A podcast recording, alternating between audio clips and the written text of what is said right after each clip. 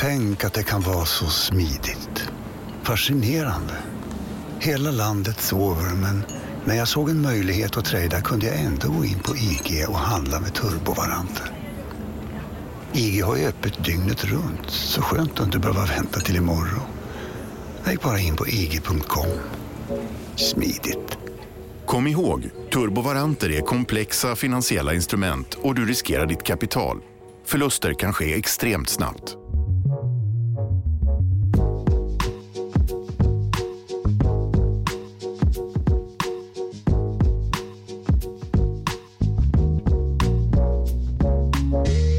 Amerikansk president tycktes i likhet med Europa och nio ha målat in sig i ett hörn med svart oljefärg under våren 2022. Kaoset i energimarknaden satte stora risker i ljuset. Risker för ekonomisk överhettning med inflation, en global recession och i det långa loppet till och med hela världens valutahegemoni med petrodollarn i centrum. Kampen om inflytandet över hur världens makt och tillgångar skulle delas upp hade via Ukraina och det ryska överfallet beskrivits som den största händelsen sedan slutet av andra världskriget. Krisen som följde av maktförskjutningen drabbade snabbt de fattigaste och mitt i tolkningskaoset runt de hastiga omkastningarna i råvarupriser som skett sedan Europa krigshärjats var förflyttningen redan i full gång i Afrika, Mellanöstern och Asien. Fiender och allierade blev dubbelagenter såväl handelsmässigt som militärt när de gick in i och ut ur stridslinjerna i ett slagfält som tedde sig allt mer svårförklarlig för den som ville förstå sin omvärld.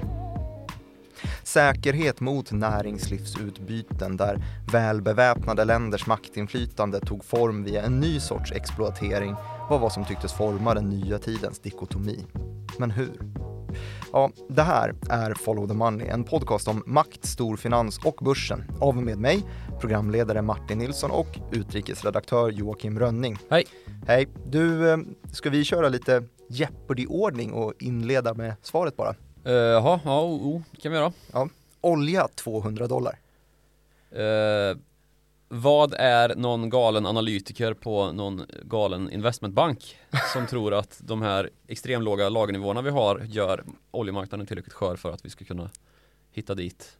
Men det är ju helt rätt, Ja. ja, ungefär helt rätt. Det här är ju, eh, anledningen till att jag tar upp det är ju för att det här är en känd Goldman Sachs-analys från början om det var piken 2008, exakt OL 2008. 200. Och nu är det Bank of America som i och för sig lite villkorligt har stått bakom en sån al- analys. Men de flesta var där. Vi har JP Morgan och eh, ett par lite märkliga Singapore-baserade som ser ett kortsiktigt Brent-pris strax under 200. Goldman Sachs är däremot lite mer försiktiga och säger 150. De har väl bränt sig förut. De har gått enkelt. på niten redan. Ja. ja.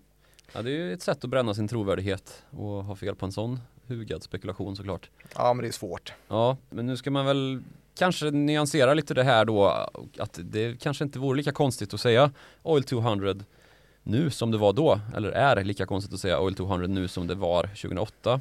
Vad är inflation? Ja, precis. Sen så också då att vi har oljelager som är på en ganska så skrämmande låg nivå, särskilt i USA. Ökningen i konsumtionen efter pandemin har inte motsvarats av produktionen och då stiger priset på den olja som väl finns till hands. Och det här var ju fallet redan innan Ryssland bestämde sig för att överfalla Ukraina och skära av sina egna möjligheter att exportera olja till stora delar av den världsmarknad som består av eh, ja, oljetörstande länder som USA, Europa, Japan, Sydkorea och så vidare. Mm, just det. Det var en, en kärv vinter här även innan Ja. kriget blev aktuellt. Precis. Och det har ju mycket med att göra då att, eller efter pandemin som jag sa, det kanske man inte ska säga egentligen för det, det har vi ju också fått en liten motsatt effekt nu då när det har blossat upp lite smittotal i Kina ju. Eh, när vi har fått en risk då som har kommit till marknadens kännedom eller som man ska säga eh, att det kanske blir nya karantäner och nya nedstängningar i Kina och Kina är världens mest oljeimporterande land.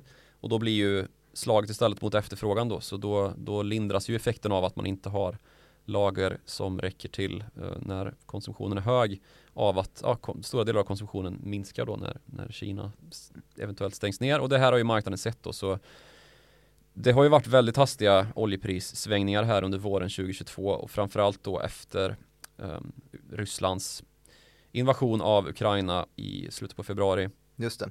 Vi var uppe där och toppade drygt 130 dollar. Det var Mm. ju väl ungefär då de här analyserna också kom ut. Ja. Eh, men sen så föll vi ner och då har de flesta rubrikerna förklarat det med just smittotal i Kina. Att lockdown och eh, risken då att industrier och personbiltransport saktar ner lite grann så att man inte förbrukar lika mycket bränsle Ja, kanske. alltså industrier i Kina drar ju rätt mycket olja så att det är ju framförallt det men även andra faktorer naturligtvis. Och det här påverkar ju hela världsekonomin på ett rätt obehagligt sätt också eftersom att det är så mycket handel som går här, så mycket tillverkning som sker i Kina och att industrier i övriga delar av världen också då påverkas indirekt genom att Kina påverkas av de beslut som fattas då för att stoppa covid. Och det här är ju de högsta smittalen vi har haft sedan pandemin bröt ut i Kina 2020. Mm.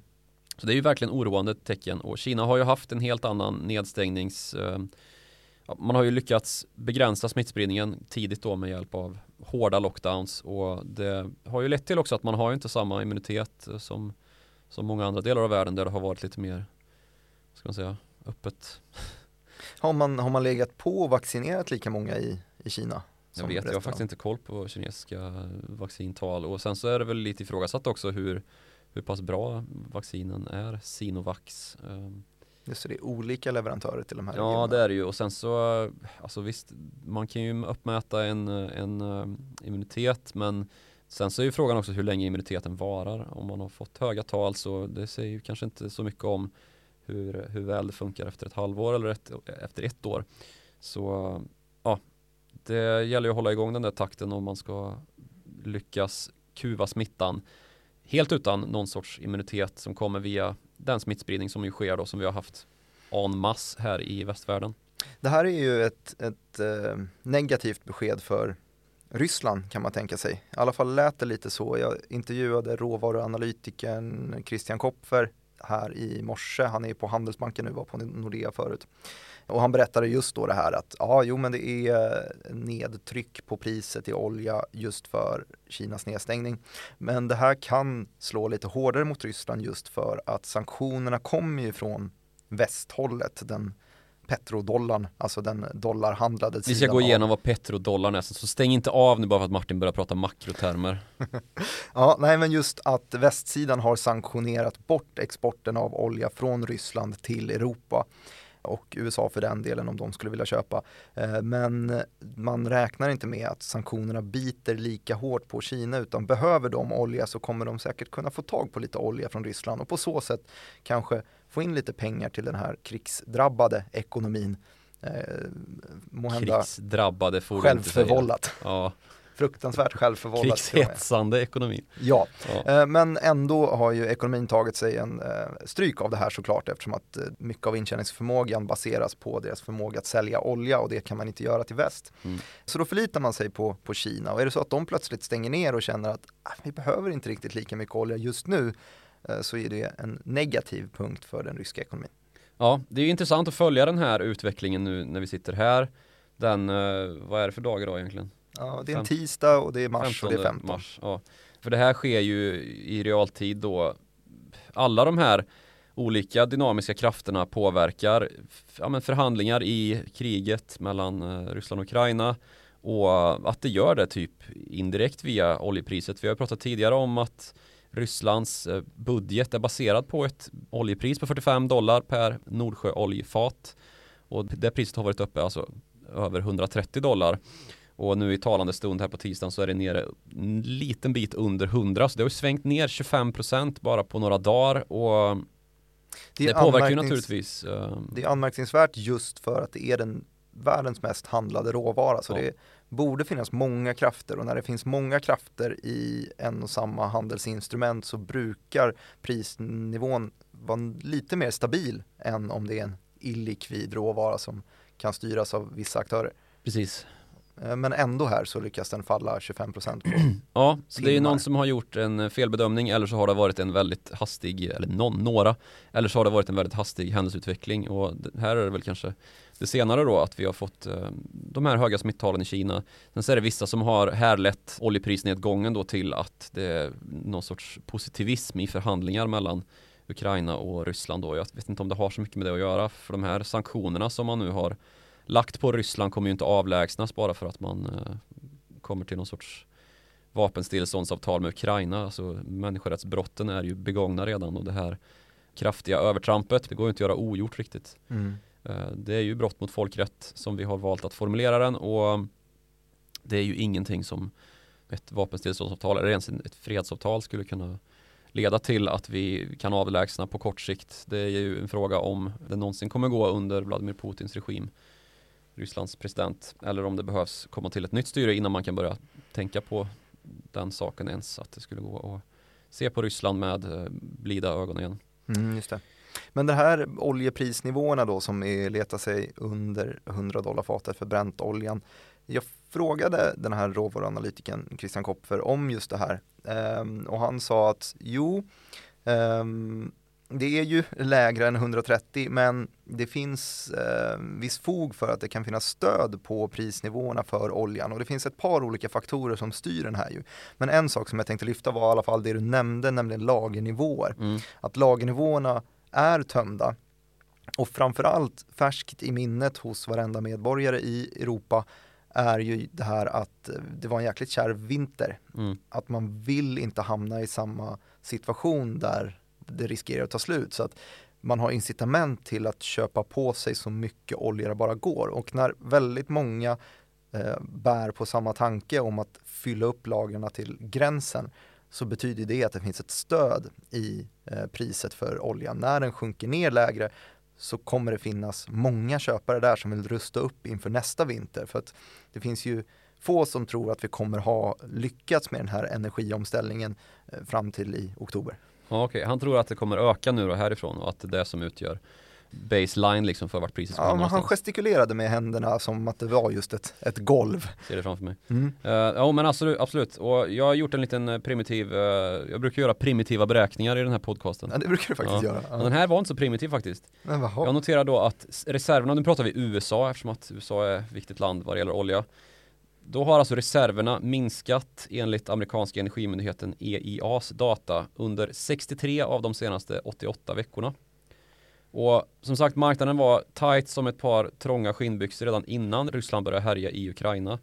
Och det då ledde till att bränsleexporten därifrån började stoppas. Så det här har ju börjat likna lite grann 70-talet och det som ledde till strukturell brist och plötslig störning i utbudet eh, då eh, oljekris 73-74 och revolutionen i Iran 79-80 och nu börjar man ju kunna se på terminshandeln att det förebådas akut brist av både råolja och destillat, alltså själva drivmedels, eh, drivmedelsproduktionen.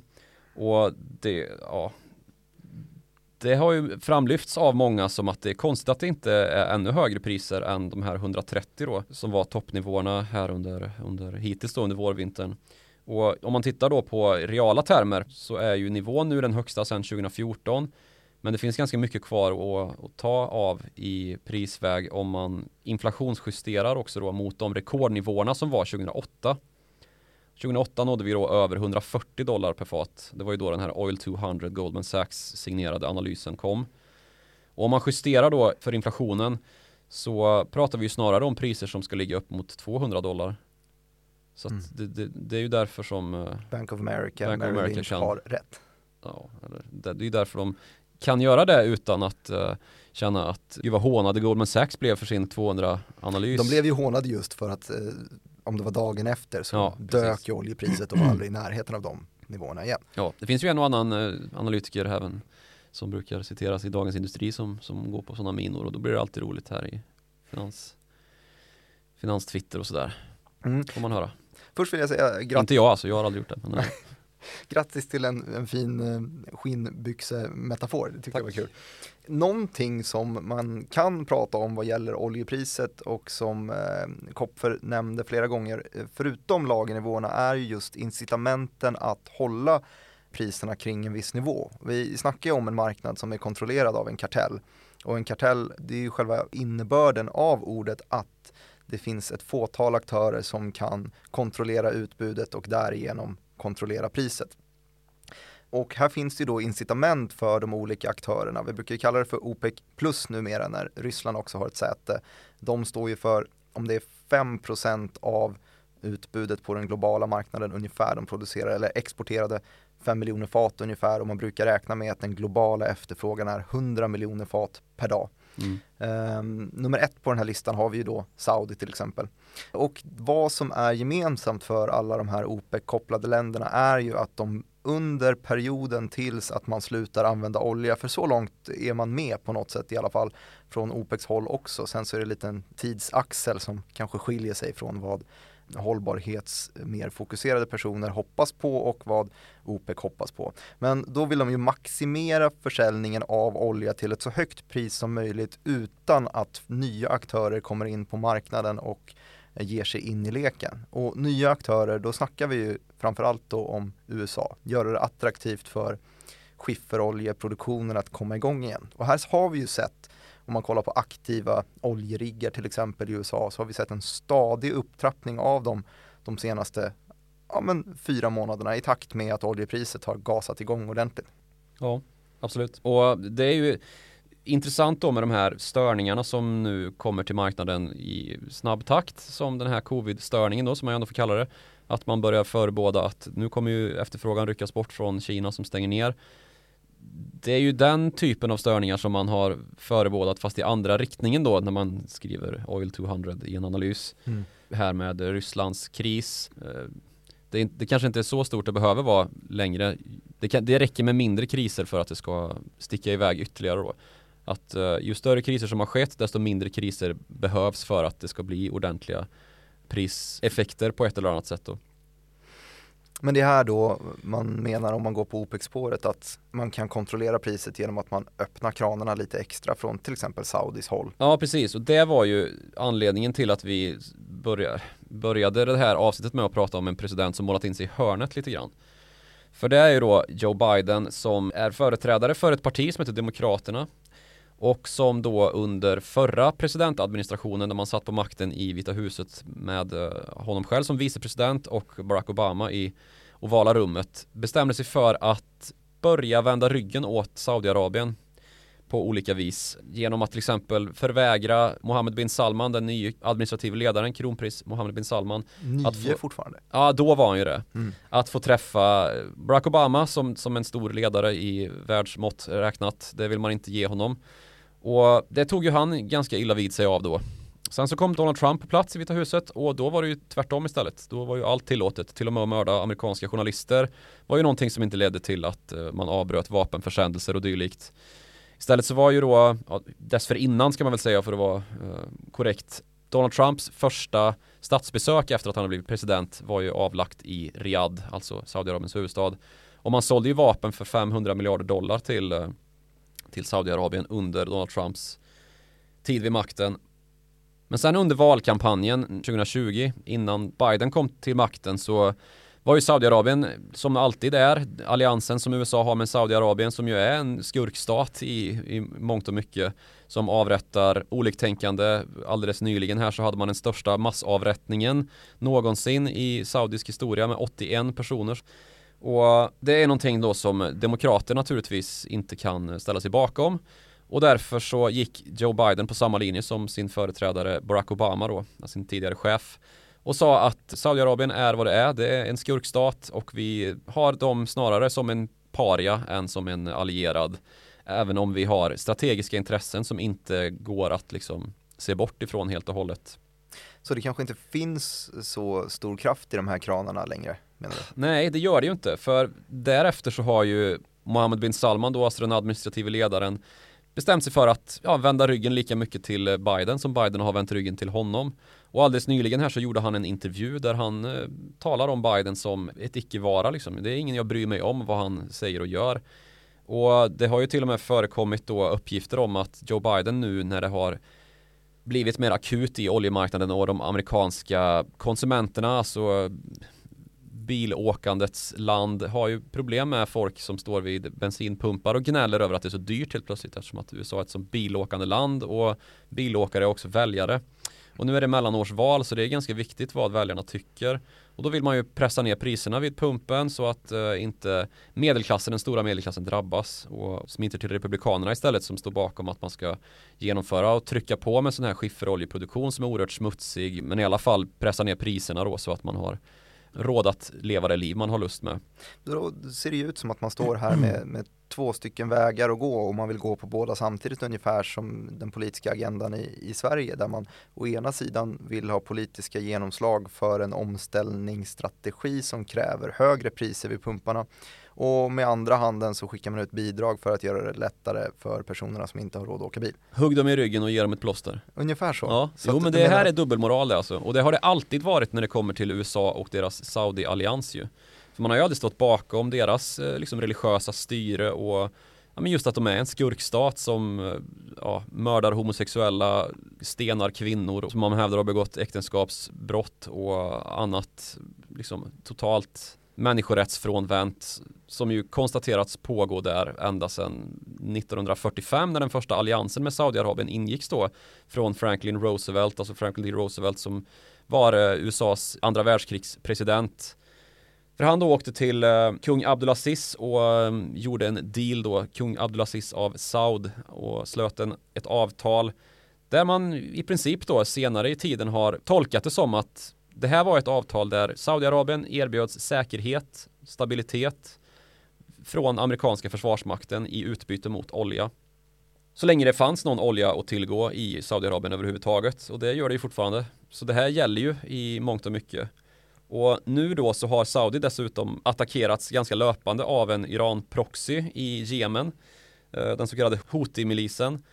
Och det här ser man ju då som ett brutet löfte nu, att man inte genom de amerikanska luftvärnssystemen som man har köpt då har haft tillräckligt med skydd för att kunna skjuta ner de här och säkra sin oljeinfrastruktur och det här som man livnär sig på. Och även de attacker som, som i övrigt har drabbat den, den saudiska säkerheten och det här har ju naturligtvis också att göra med att det pågår ett anfallskrig där Saudiarabien har bestämt sig för att gå in i Jemen och föra anfallskrig då mot Houthi-milisen som, som ju är i sin tur då involverade i ett inbördeskrig i Jemen. Så det är oerhört stökigt det här och som sagt Houthi-milisen är då sponsrad av Iran indirekt med ekonomi och militär materiel. Och Iran och Saudiarabien är ju dödsfiender från första början. Just det, och Iran har man ju också avtal med från amerikanskt håll. Hur ser det ut? Ja, um, det har man ju egentligen inte. Det, det är ju det man försöker få till nu igen då, för som jag sa så har ju Saudiarabien haft svårt för demokraterna de senaste två administrationerna som det har varit demokratisk eh, makt i Vita huset, alltså under Obama och nu under Biden. Och det har ju naturligtvis också då att göra med, utöver det här att, eh, att saudierna har lite grann vänts ryggen av sittande president, också varit en effekt av att USA då under både eh, Obama och nu under Biden håller på och Först då under Obama så lyckades man ju faktiskt förhandla fram det här kärnavtalet som det kallas där Iran förbinder sig att inte forska på kärnvapen och anrika uran i sina kärnkraftsanläggningar i utbyte då mot att de ska få föra ut sin olja på världsmarknaden helt fritt och ha industriella utbyten med, med olika länder. Eh, det är ju många parter med i det, i, det avtalet som då revs av Donald Trump, alltså Obamas efterträdare Donald Trump eh, drog ju tillbaka USA ut ur det avtalet och då omöjliggjordes det. Och sen så har det ju varit liksom förhandlingar som har pågått lågintensivt och som plötsligt blev allt mer intensiva då här det senaste halvåret, året. Och det har ju naturligtvis med oljemarknaden att göra också. Eftersom att oljemarknaden blir ganska så undsatt av Iran om man nu ska se att Ryssland försvinner. Det blir en lindrigare effekt då av att uh, utestänga Ryssland istället för att uh, ha både Ryssland och Iran uteslutna då. Och här har vi ju, för att prata lite storleksordning så vet jag att Kopfe nämnde att eh, infrastrukturen i Iran är någorlunda väl utvecklad men att man räknar med att kunna få ut uppemot en och en halv miljoner fat per dag från den iranska exporten. Så att eh, Eh, knappt en tredjedel av det man saknar efter sanktionerna mot Ryssland. Ja, och det här är ju också lustigt då utifrån Ukraina-situationen. För en av de parterna, en av de allra viktigaste parterna vid det här förhandlingsbordet om JCPOA som kärnavtalet heter i mer formell mening, det är naturligtvis Ryssland. Och för att det här kärnavtalet då ska släppas igenom på det viset som USA vill att Iran ska tillåtas, eh, ja, ges tillträde till världsmarknaden igen, då måste man också släppa på sanktionerna mot Ryssland, hävdar då Sergej Lavrov, Rysslands utrikesminister. Så att man ställer hårda motkrav då och det har ju fått de här förhandlingarna att, att gå ganska så hårt i baklås.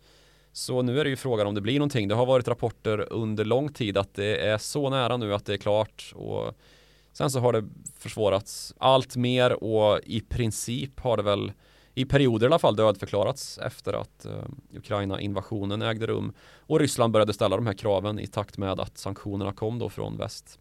Och det här är ju någonting som är intressant inte bara för USA utan för Europa som står inför ett problem att lösa det här olja och gasbehovet som ju finns där efter att man har stängt ner andra sätt att få tag på energi till Europa och då vänder man ju sig från då mot det man har eh, upptäckt var en skurkstat, Ryssland och tittar efter de andra oljeaktörerna på marknaden och de Som inte, inte har ser... tillgång till marknaden ja. Ja men exakt. Som Vilka inte... är det?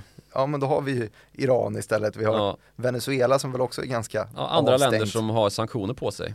Som man har tidigare i historien då bestämt sig för att nej de här vi, ska vi inte göra affärer med för att eh, de eh, då begår brott mot folkrätten och inte är att lita på. Och dessutom ganska ofta ställer sig fientligt till USA och dess så kallade petrodollar. Att man har valutahegemonin över framförallt då eh, råvarumarknaden och därigenom diktera villkoren för hela världshandeln och har möjlighet att styra och ställa ganska så mycket hur man vill med just sådana här sanktioner då. Att ska ni använda våran dollar till att eh, genomföra transaktioner för att köpa råvaror, då måste ni gå via en amerikansk så kallad korrespondentbank som vilar under amerikansk lag och därmed så, så är ni förbundna att gå i våra ledband, alltså erkänna någon sorts demokratisk världsordning som den rätta. Och det är ju till och med någonting som Saudiarabien har gått med på. Det var ett avtal som man då slöt under 70-talet i takt med att den amerikanska penningpolitiken gick åt fanders. När Bretton Woods kollapsade 71. Ja, precis. Bretton Woods. Det ska du få börja med nu och reda ut. Vad är det för någonting? Jo, men det var ju då en eh, sprunget ur den kända ekonomen John Maynard Keynes mm. idéer mm eh, om att skapa stabilitet i en valuta genom att anta en guldmyntfot efter andra världskriget, typ, ja, tror jag att det var, som det kickade igång. Alltså möjligheten att växla in dollar mot en eh, fast mängd guld hela tiden. Mm. Och på så sätt så kunde man hela tiden säkra värdet av dollarn. Det här funkade väl i ganska många år, men det var under år som man också, har jag lärt mig av dig, bedrev en massa väldigt, väldigt kostsamma krig. Vi har väl Koreakrig och vi har Vietnamkrig och typ i slutet av Vietnamkriget så var skulderna så pass stora att man inte riktigt eh, klarade av att Nej, man började ifrågasätta då, för alltså det som det innebär att man har en guldmyntfot det är ju då att centralbanken, amerikanska Federal Reserve, har som uppgift att eh, helt enkelt säkra upp all valuta man har med guld. Alltså att du ska kunna ta din dollar och sen gå in till amerikanska centralbanken och säga hej, jag vill ha mitt guld. Det här är en liksom skuldsedel på att jag har rätt till eh, den här, det här värdet i, i guld då. Och det gick ju inte. Till slut så hade USA skuldsatt sig så upp över öronen att det fanns ju inte i närheten så mycket guld.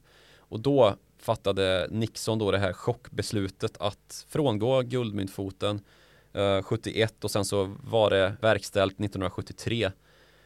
Och det var ju liksom en eh, övergång där man gick då från att handla med guldet som försäkring till att börja handla med den amerikanska statens förtroende som försäkring istället. Mm. Det vi idag kallar för fiat-valuta.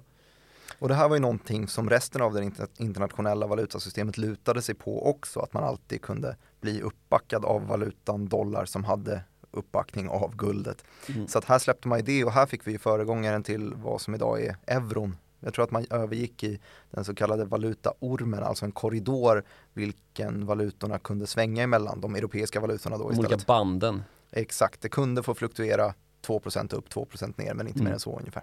Så det var som en liten korridor där valutorna kunde handla. Lite som kinesiska aktier. Lite som kinesiska aktier. Det får bara gå upp och ner max 10% per dag. Ja, exakt. Mm. Det, så det appliceras ju på ganska många börser. Jag vet att vi fick en sån rörelse på, om det var kanadensiska råvarubörsen i samband med nick nyckelspiken här senast. Jaha, ja men är det inte hela börsen då? Jo, det kanske är så. Ja, för det, det här, alltså, det finns ju även på svenska börser. Det såg vi flera gånger under pandemikraschen ju. Men eh, det här gäller då eh, 10% spannet. Det gäller då för individuella aktier i, i Kina. Eh, Det är ju inte riktigt fallet i eh, Sverige. Ett liksom- automatiskt handelsstopp när man ser att det har kraschat ner så Ja, pass eller att det går inte att köpa eller sälja aktien för mer eller mindre än 10% ner eh, Mm. för dagen. Det ser man ibland när man kommer in och ska skriva sin morgontext att eh, nu är Tencent ner med 9,99% eller sådär. Mm. Och då är det för att eh, det går inte att handla ner den mer än så. Då får man inte gamea i Kina längre och då faller den. Exempelvis. Exempelvis. Men här händer ju någonting annat intressant då, för då börjar man ju befara att shit, nu är ju dollarns valutahegemoni som ju då var en konsekvens av att USA var ju ett av de få länder som inte var sönderbombat efter andra världskriget. Eh, USA behövde låna ut jättemycket pengar till många andra länder i världen, framförallt Europa, för att de då skulle kunna ha möjlighet att bygga upp sig. Då gjorde man ju det med hjälp av sitt eget dollarsystem då, som ju blev dominerande. Att man fick ett, en stor efterfrågan på dollar för att kunna köpa saker av USA som ju hade sin industri igång. Och till slut så blev det liksom en världsvaluta. Den reservvaluta som vi har idag. Det blev lite av en god cirkel för just dollarn här. En Ja, god feedback loop. så heter det kanske. Ja, kan man säga. Eh, Nej, men en, ja, Eftersom god- att man måste ha dollar för att kunna eh, köpa sin, sin olja och eh, Ja, till exempel. dollarn i sig Oljan mår ju bra av olja också. Ja, olja var ju inte så, var inte USA särskilt dåliga på att utvinna på den här tiden. Och kul att du tar upp just oljan, för det här blev ju då en väldigt viktig punkt för USA när det kom till den här, det här övergivandet av uh, guldmyntfoten 1971 då. För då började det ju ifrågasättas ganska hårt här. Oj, nu, nu är det grejer på G här. Nu tappar ju USA sin valutahegemoni. Nu, kan, nu kommer man inte kunna styra och ställa längre på det sätt som man har gjort under de här år som har gått sedan andra världskriget. Och plötsligt så befann sig hela västvärlden i en lågkonjunktur och till och med stagflation ju. Och då kommer ju oljan till undsättning för eh, USA, men det är inte den egna oljan. För här tar man ju återigen upp tråden med Saudiarabien då. Som man lovar beskydd och säkerhet i gengäld då mot att de ska börja denominera all sin olja i dollar. Alltså att man börjar sälja sin olja bara i dollar och eftersom att Saudiarabien är den största aktören i OPEC som är den största aktören i oljemarknaden så blir ju det här en jättestor effekt för eh, att... Det är väl här också som egentligen OPEC startas. Ja, precis. Och det här, effekten av det här blir ju då att världens största råvara handlas i dollar. Du måste ha dollar för att kunna handla olja till ditt oljebolag som kanske sitter i Sverige och som ska gå via OK eller någonting för att eh, kunna prångla ut bensin och diesel på svenska konsumenter.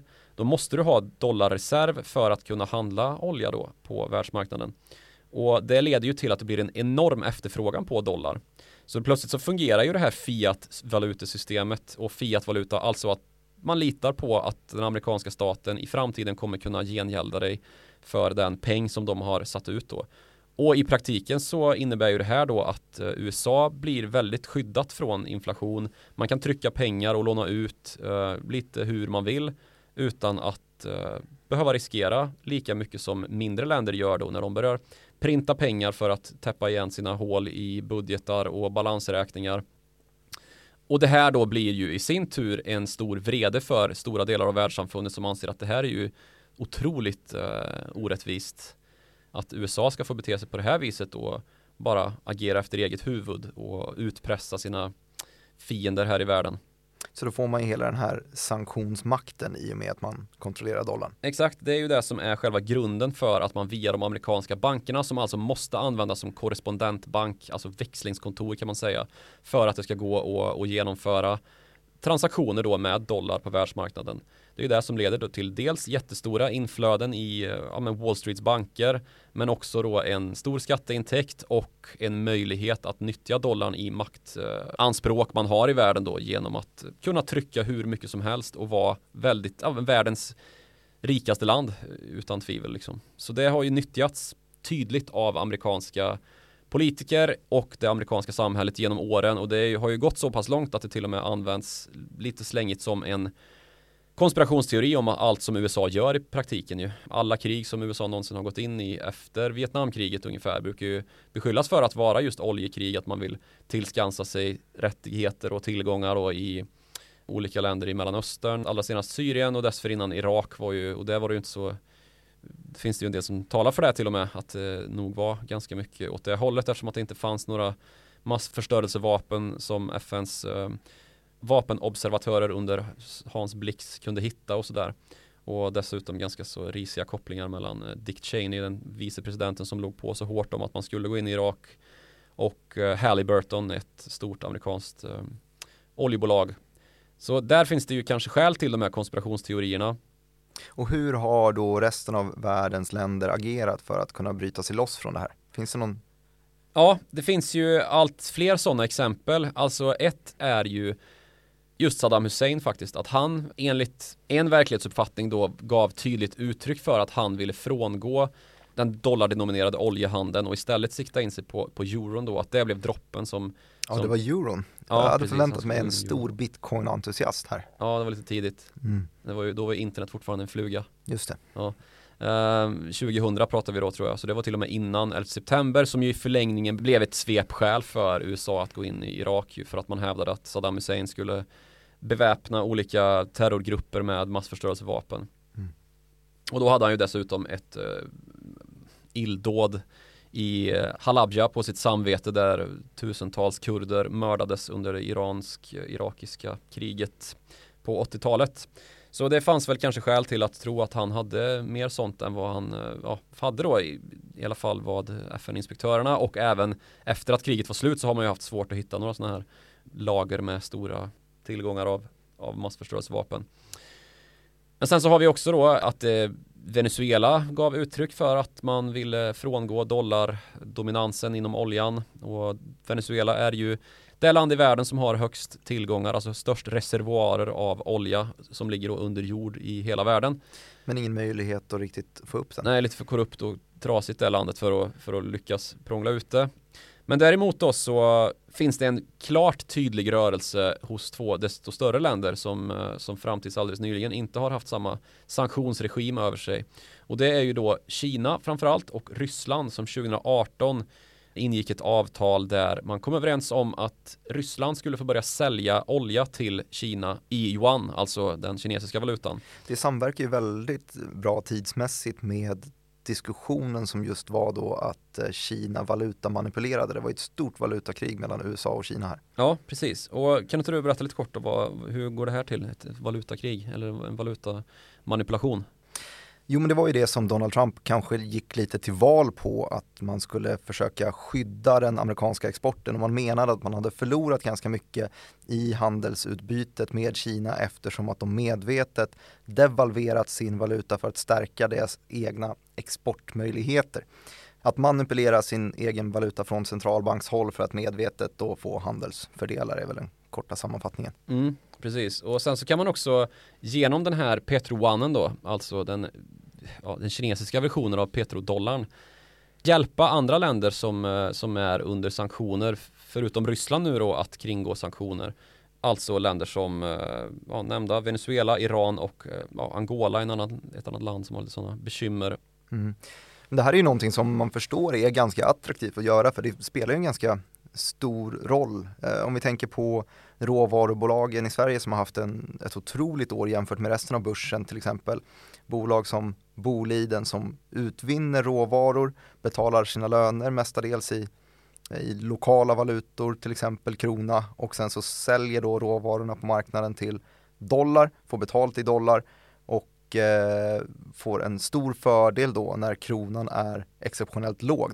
Får då en låg kostnad här i kronan och mellanskillnaden blir bara ett positivt påslag på hela kursen och det är väl det här lite grann som Arbitrage. Just det, som arbitrage. Och det var faktiskt de här typen av aktier som, eh, nu tar vi upp kopp för det här för tredje gången, men det kan väl vara lika bra. Jag frågade honom om vilka aktier som man ska äga i ett sånt här råvarudominerat handelssentiment och han sa då att äh, jag skulle jag få lite kalla kårar när folk menar att det kommer bli en ny supercykel för råvarubolagen, att råvarupriserna kommer fortsätta stegra, utan jag tror inte riktigt att det är så, att de kanske är ganska högt värderade redan nu. Mm. Eh, och supercykel kan vi då nämna att det var ju det här i samband med att eh, Kina hade sina ordentliga brakår och efterfrågan på infrastruktur intensiva råvaror var väldigt, väldigt hög, drev mm. upp priserna på ett ganska onaturligt sätt som inte riktigt speglar en naturlig utveckling som gjorde att vi hamnade i en cykel om 7-8 år där priserna bara stegrade och stegrade. Eh, men han menar då att det här är, det skulle kunna hända igen men det är väl osannolikt att vi hamnar i en lika tydlig eh, bullmarket. Ja, undrar vart det skulle hända i så fall. Ja, det, det, det, får jag väl fråga honom nästa gång. Afrika kanske? Ja, Afrika ja. är väl rimligt. Precis, eh, men innan vi går till Afrika så ska vi stanna kvar lite i Mellanöstern och titta på vad det finns för landbrygga till eh, Kina därifrån. För det här är ju då en intressant utveckling som vi har tagit del av här nu på sistone. Att samtidigt som Riyadh vänder ryggen till USA som redan har vänt ryggen till Riyadh förutom när det kniper i, i oljemarknaden och det står tomt i lagren det är ju att man istället börjar prata om sina varma relationer till Kina. Mm. För Kina är ju världens, som sagt, största oljeimportör och det är ju en, naturligtvis en jätteviktig kund för Saudiarabien. Och Xi Jinping, alltså Kinas president, han har precis blivit inbjuden till Riyadh. Kan man undra varför det? Ja, varför det? Um, ja, det är ju naturligtvis så att det går att hitta konspirationsteorier om det här också, eller konspirationsteorier, det behöver inte vara ond, illvilligt.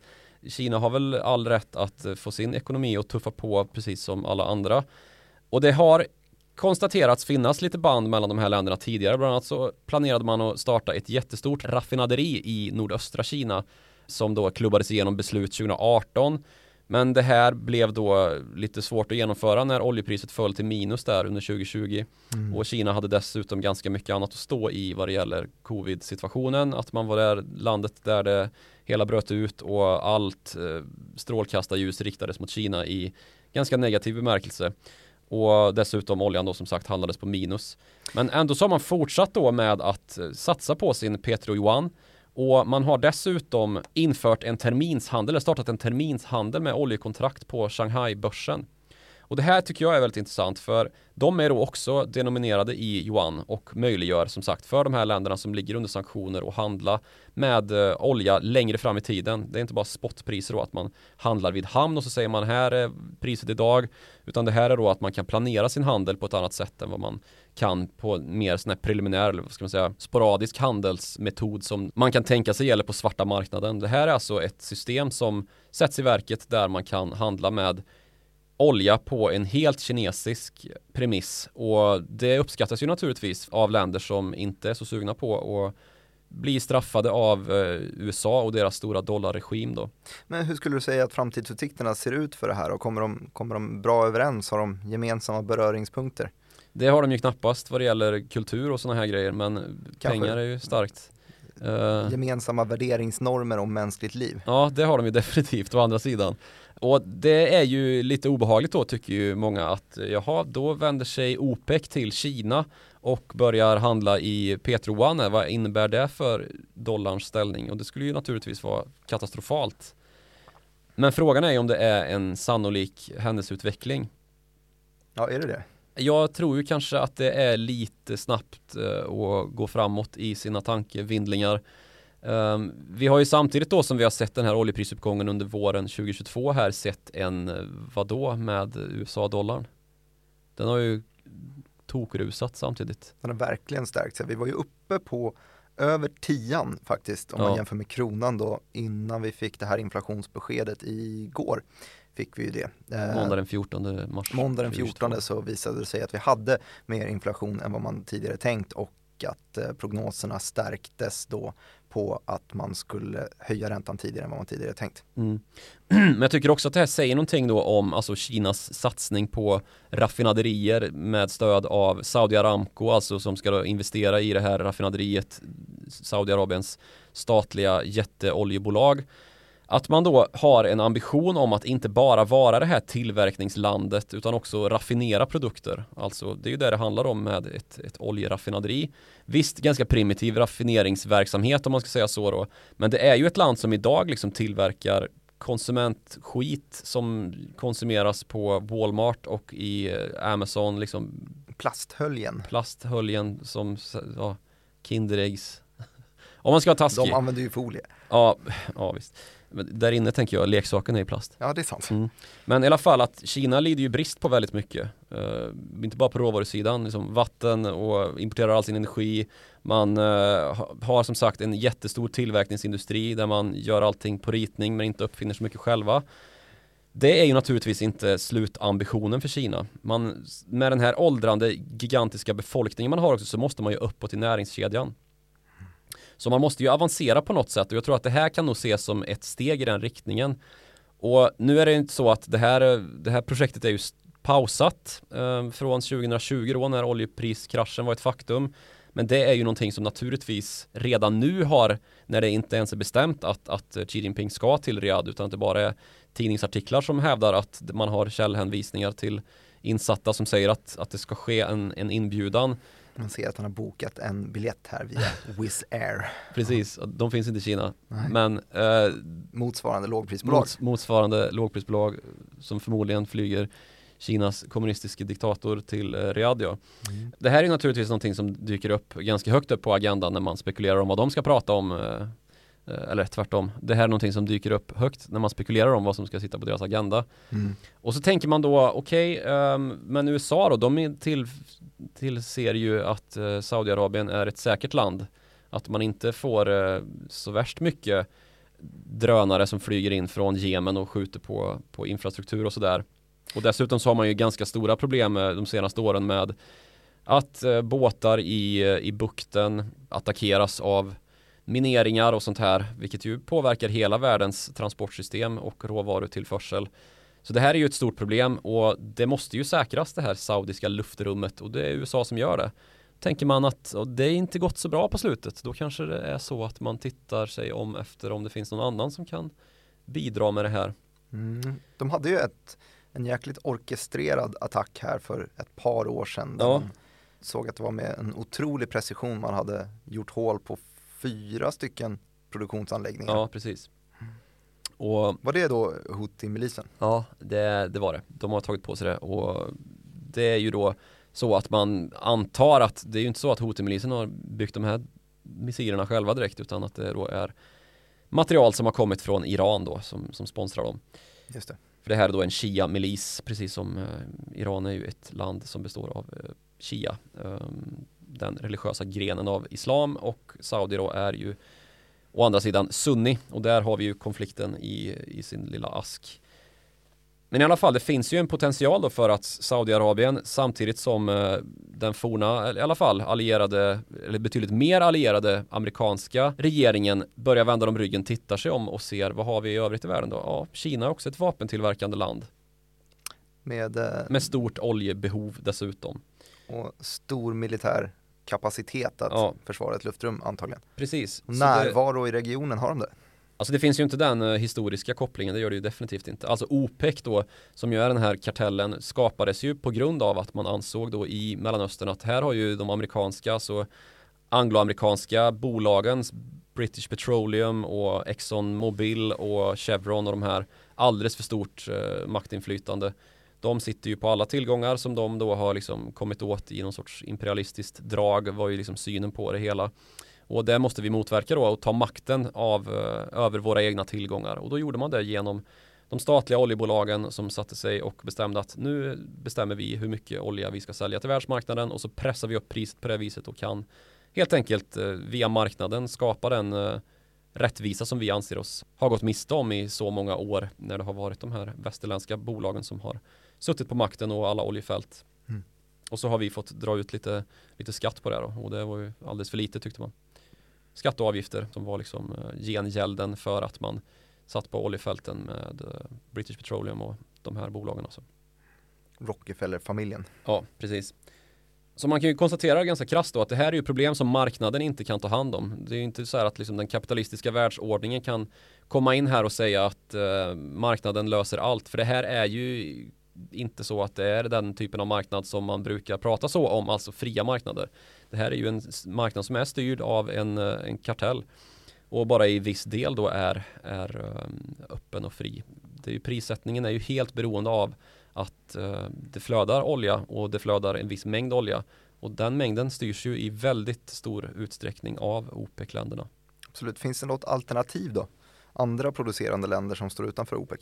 Nej, nu gör det ju inte det. Alltså de länder som har någon sorts liksom, kapacitet är ju andra länder som, som eh, är under sanktioner och där det är ganska ah, barockt att tro att de ska kunna liksom, ta bort de sanktionerna och sen direkt börja producera olja av någon sorts uh, dignitet i stor skala, i stor volym.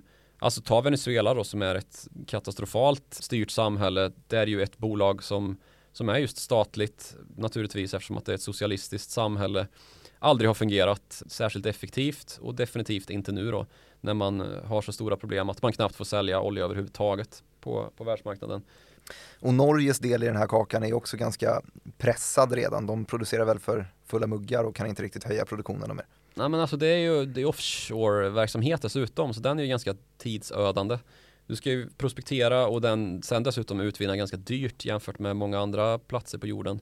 Alltså ta Saudiarabien då där det på, på 40-talet var så sticka ner ett sugrör i sanden brukar man säga för att, för att hitta oljan. Så är det ju inte riktigt när man ska borra i Nordsjöbotten liksom. Nej men vissa vid, vid Sverdrup-fältet har ju kommit ner under, under 10 dollar för utvinning. Det är ändå relativt sett långt mycket billigare än vad skifferoljan i, i USA kostar. Ja, skifferoljan är ju absolut dyrast. Men om du jämför med utvinningen i, i Saudiarabien så är det fortfarande en bra bit till Nordsjöoljan. Men absolut, Norrmännen de har... ska ha löner. Ja, dessutom ska norrmännen ha löner utan att jobba som det brukar vara där. Just det. Nej, taskigt mot norrmännen. Nej, men det är ju så. Ja. Eh, men däremot så har vi ju en kontinent som vi inte har kommit in på än. Vilken då? Den afrikanska. Mm. Det är också en eh, region med oerhörda oljetillgångar ju. Ett land som jag gillar att prata om, Kongo till exempel. Just det, Nigeria är största, största producenten va? Ja, och det finns ju jättemånga andra länder som, som har starka diktaturer på grund av just att man har oljetillgångar. Eh, att man då numera under ryskt inflytande lyckas hålla säkerheten vid liv då där man eh, utbyter sina råvarutillgångar mot att få säkerhet från ryska Wagner Group som det heter, legosoldatarmén som är ganska tätt kopplad till Kreml och oligarkstyre för att då genomföra ryska försvarsinsatser men inte helt under rysk flagg då utan som ett, någon sorts näringslivsaktör. Så 150 år efter att västvärlden ja. började utöva sin imperialism så har nu Ryssland vaknat till Ja liv. precis och det här är ju svårt att prata om kanske och vara europé och hävda att gud vad dumt att Ryssland gör det här nu eftersom att man har ett ganska så risigt CV själv då fransmän och engelsmän och tyskar och allt vad det är men nu är det ju faktiskt så att många av de här franska forna kolonialherrarna packar ihop och drar. Ehm, för man har ju själva då styrt de här länderna i ledband i någon form för att kunna nyttja deras mineralresurser. Ehm, Belgien när de drog från Kongo så satt man ju kvar på på södra delarna där det var som mest mineralrikt och försökte skapa utbrytningar och en egen liten diktatur som då skulle försörjas av, av landets näringsliv och de gruvbolag som fanns. Och samtidigt då så, så erbjöd man den sittande diktatorn eller presidenten ett liksom livvaktsbeskydd och man övade armén då som, som eh, tog order från diktatorn för att kunna ha kvar sitt, sitt inflytande då. Det är ganska exakt så som, som Ryssland just nu arbetar då i, i Afrika. Man har ingått säkerhetsavtal med en 30-40 afrikanska länder och många av dem är ju allt annat än demokratiska och det är ju inte så dumt för de här diktatorerna att slippa ha fransmän där som dels sitter på en del skyddsmakt då att eh, se till att det inte blir olika typer av oroligheter som bryter ut. Man har lite hjälpsändningar och, och bistånd. Och samtidigt så upprätthåller man någon form av demokratisk ordning eller har sådana krav i alla fall att det här får inte hålla på och korrumpera och begå folkmord hur som helst. Det är ju inte något som Ryssland särskilt inte under en eh, Wagner Group-armé har särskilt mycket problem med. Att det sker den typen av eh, aktiviteter. Så det är ju mycket smidigare för många av de här länderna. Centralafrikanska republiken är ett jättebra exempel på det som ju har jättestora mineraltillgångar. Det finns flera andra också och här har vi ju nu direkta effekter också av eh, Ukraina-krisen. Matpriser som rusar, Sudan är i eh, upploppstillstånd och det är ju här som som eh, många länder är helt beroende av den export då, som kommer från, eh, från Ryssland. De handelsutbyten som finns med just Ryssland och Ukraina då för att trygga matransoner och ja, Sudan, Kongo och Somalia, sådana länder. Så hur går det till då när, när Wagner Group kommer in? Det måste vara lurigt. Ja, men alltså vi har ju ett exempel med svensk koppling här i Mali. Just det, där har vi haft en FN-insats sedan Ja. 2015, 16. Ja, tag, några 17. år. Ja. Och där bestäm, bestämde sig ju svenska regeringen för att dra tillbaks styrkorna för att det blev en absurd situation då. Att Malis regering då kopplade in Wagner Group och hävdade att man inte var nöjda med det beskydd man fick från FN, att det inte var tillräckligt bra och tyckte att ja, men, Wagner, ni får väl jobba ihop med, eh, med FN här då. FN får, får jobba ihop med liksom, ryska legosoldater och det går ju inte. Det är ju helt absurt. Och eh, då får man ju packa ihop och dra. Det är ju inte så att, eh, att FN bestämmer vad som ska hända på maliskt territorium. Liksom. Det bestämmer ju regeringen. Mm. Och mm, när liksom utbytet av diplomatiska tjänster och gentjänster inte lirar så, så blir det ju på det här viset att man får ju ta ett omtag då i så fall. Men eh, det här är ju en metod nu som, eh, som Ryssland använder sig av och det började ju egentligen redan i Syrien och därefter så har det ju pågått även i Libyen då att man, man stödjer olika maktfraktioner. Alltså i Syrien så gäller det ju Assad, alltså diktatorn i Syrien och stötta hans ändamål då, vilket ju ledde till att man bombade Aleppo till grus till exempel och då var ju undanflykten att det här gäller ju att eh, få bort den här militanta islamistorganisationen IS. Sen så for man vidare till Libyen efter Gaddafis fall, alltså den libyske diktatorn. Och där började man ju stötta en sida som inte var den FN-erkända då som sitter i eh, Tripoli utan den som kommer från öst under general Khalifa Haftar som har en massa oljetillgångar då för de finns mestadels i östra delen av, eh, av Libyen. Så man rör upp, eh, rör upp damm i de här maktstrukturerna ganska rejält och skapar ju oreda för väst framförallt. Och det påverkar ju också den här hegemonin som finns i världen då där väst har mest maktinflytande. Och det har ju ändå gett ekon över de relationerna som har bildats där för att det var ju ett fåtal länder som stod på Rysslands sida vad gäller sanktionerna och då dök ju länder upp som exempelvis Syrien som röstade på deras sida. Ja, precis. Samma sak då med om man tittar på termer av hegemoni så har ju mediebevakningen här hemma i Sverige och även i övriga västvärlden varit väldigt, väldigt fokuserad på att hylla Europas demokratiska uppslutning kring de här sanktionerna som nu har riktats mot Ryssland och fördömandet mot att man gick över gränsen. Liksom gränsen till Ukraina var även Europas gräns i fråga om demokratisk rätt och säkerhetsordning och här börjar vi agera. Och då gör man det i väldigt orkestrerad form då under gemensam EU-flagg och får hjälp av alla andra demokratiskt sinnade länder från öst till väst, liksom Australien, Japan, Sydkorea, Kanada och så vidare och så vidare. Om man tittar på den övriga världen då och just sådana här länder som Afrika, Syrien som du sa. Vi har ju även Indien som ett väldigt intressant exempel och frågan då om vad som hände i FN och generalförsamlingen när man tog upp den här frågan då om Ryssland skulle fördömas. Då var det ju några länder som röstade emot att fördöma och, Och några som Indien ner är på den sidan också. Jag menar Ja, Indien la har ju ett eget faktiskt. förflutet här där de har riktigt risiga relationer med Kina till exempel. Ja, precis. Så Kina, Indien och eh, Förenade Arabemiraten Ja, var ju de, som... det eh, gänget. Ja, och det har ju flera skäl naturligtvis.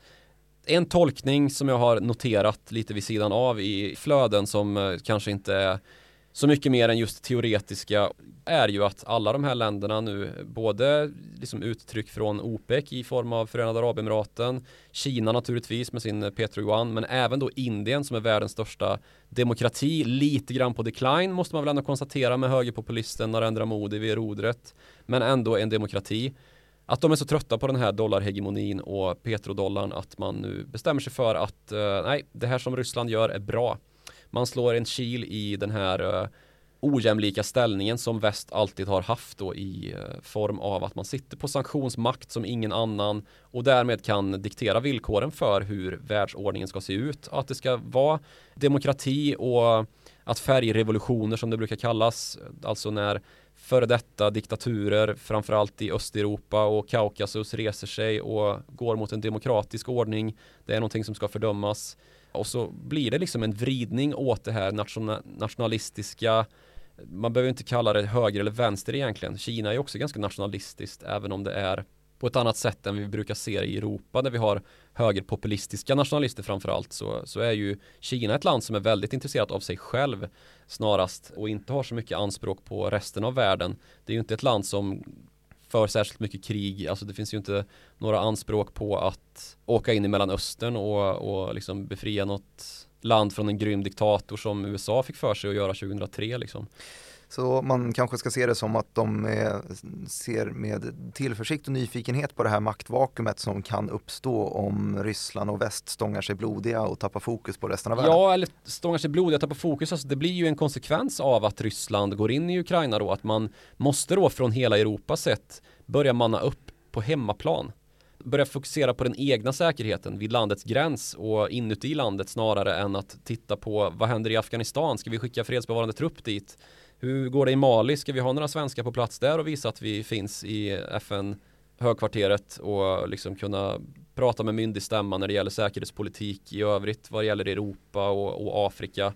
Eller ska vi bestämma oss för att vi ska upp med försvarsanslagen till 2% av BNP som vi nu har gjort eh, och inte bara vi utan även i flera länder i Europa.